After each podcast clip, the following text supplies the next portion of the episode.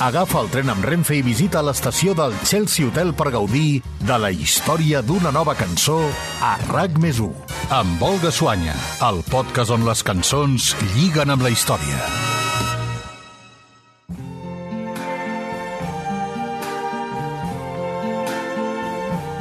I see trees of green, red roses too. I see them bloom for me and you. And I think to myself, what a wonderful world. Tot i que costa de creure, quan Louis Armstrong va llançar What a Wonderful World la tardor de 1967, el tema no va tenir gens d'èxit. Als Estats Units no va arribar a vendre ni un miler de còpies i no va ser fins l'any següent, quan va arribar al Regne Unit, que la cançó va aconseguir certa repercussió. And I think to myself,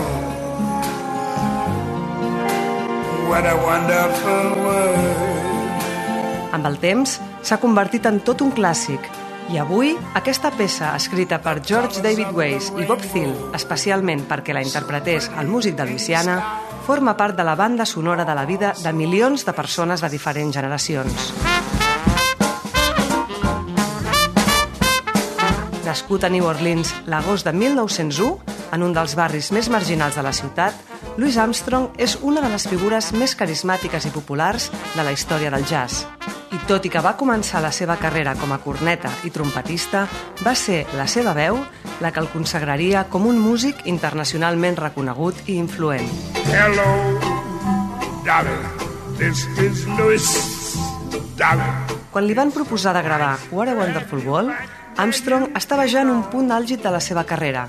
Feia tot just 4 anys que havia aconseguit desbancar els Beatles del número 1 del Billboard 100 amb Hello Dolly.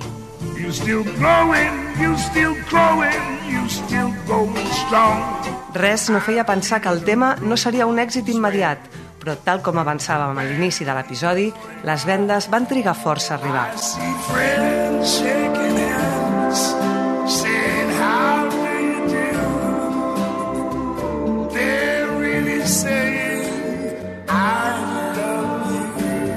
En el moment de la composició, els dos autors van voler que el tema fos un antídot contra el tens clima polític i racial de l'Amèrica dels 60.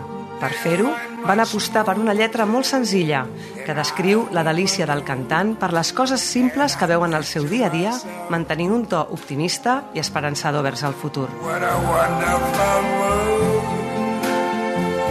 I precisament aquesta intencionalitat va ser la que el 1987 li va voler donar al director de cinema Barry Levinson quan va rescatar la cançó de l'oblit i la va incloure dins la banda sonora de Good Morning Vietnam. Good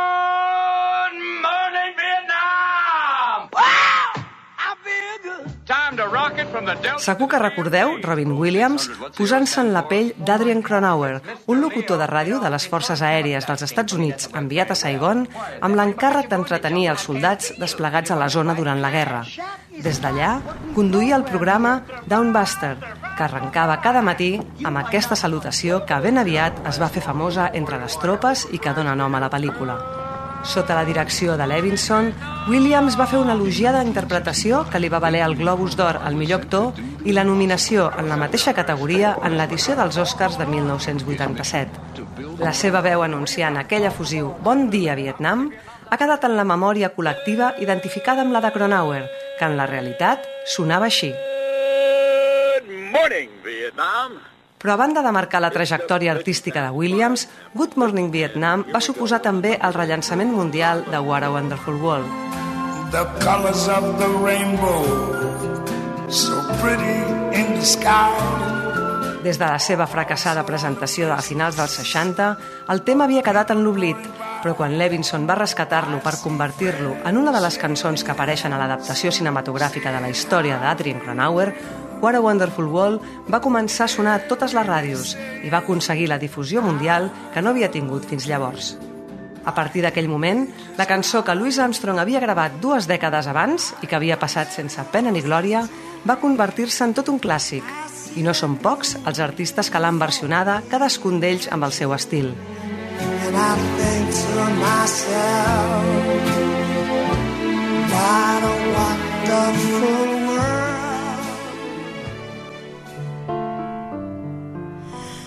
I see skies of blue, gray clouds of white, a bright, blessed day, the dark, sacred night, and I think to myself,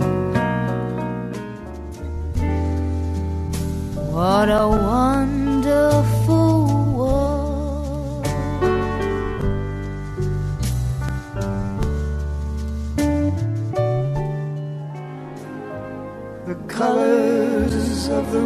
rainbow, so pretty in the sky, are also on the faces of people going by.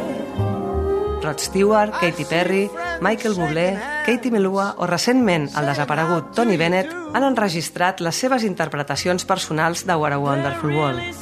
Però, sens dubte, va ser Joey Ramone qui en va fer la versió més estripada, una versió que demostra que, independentment de la interpretació musical que se'n faci, la lletra d'aquest tema de Louis Armstrong la converteix en una cançó universal que ens recorda que, tot i les seves imperfeccions, hi ha moments en què val la pena prendre consciència de com de bonic pot ser de vegades aquest món on vivim. What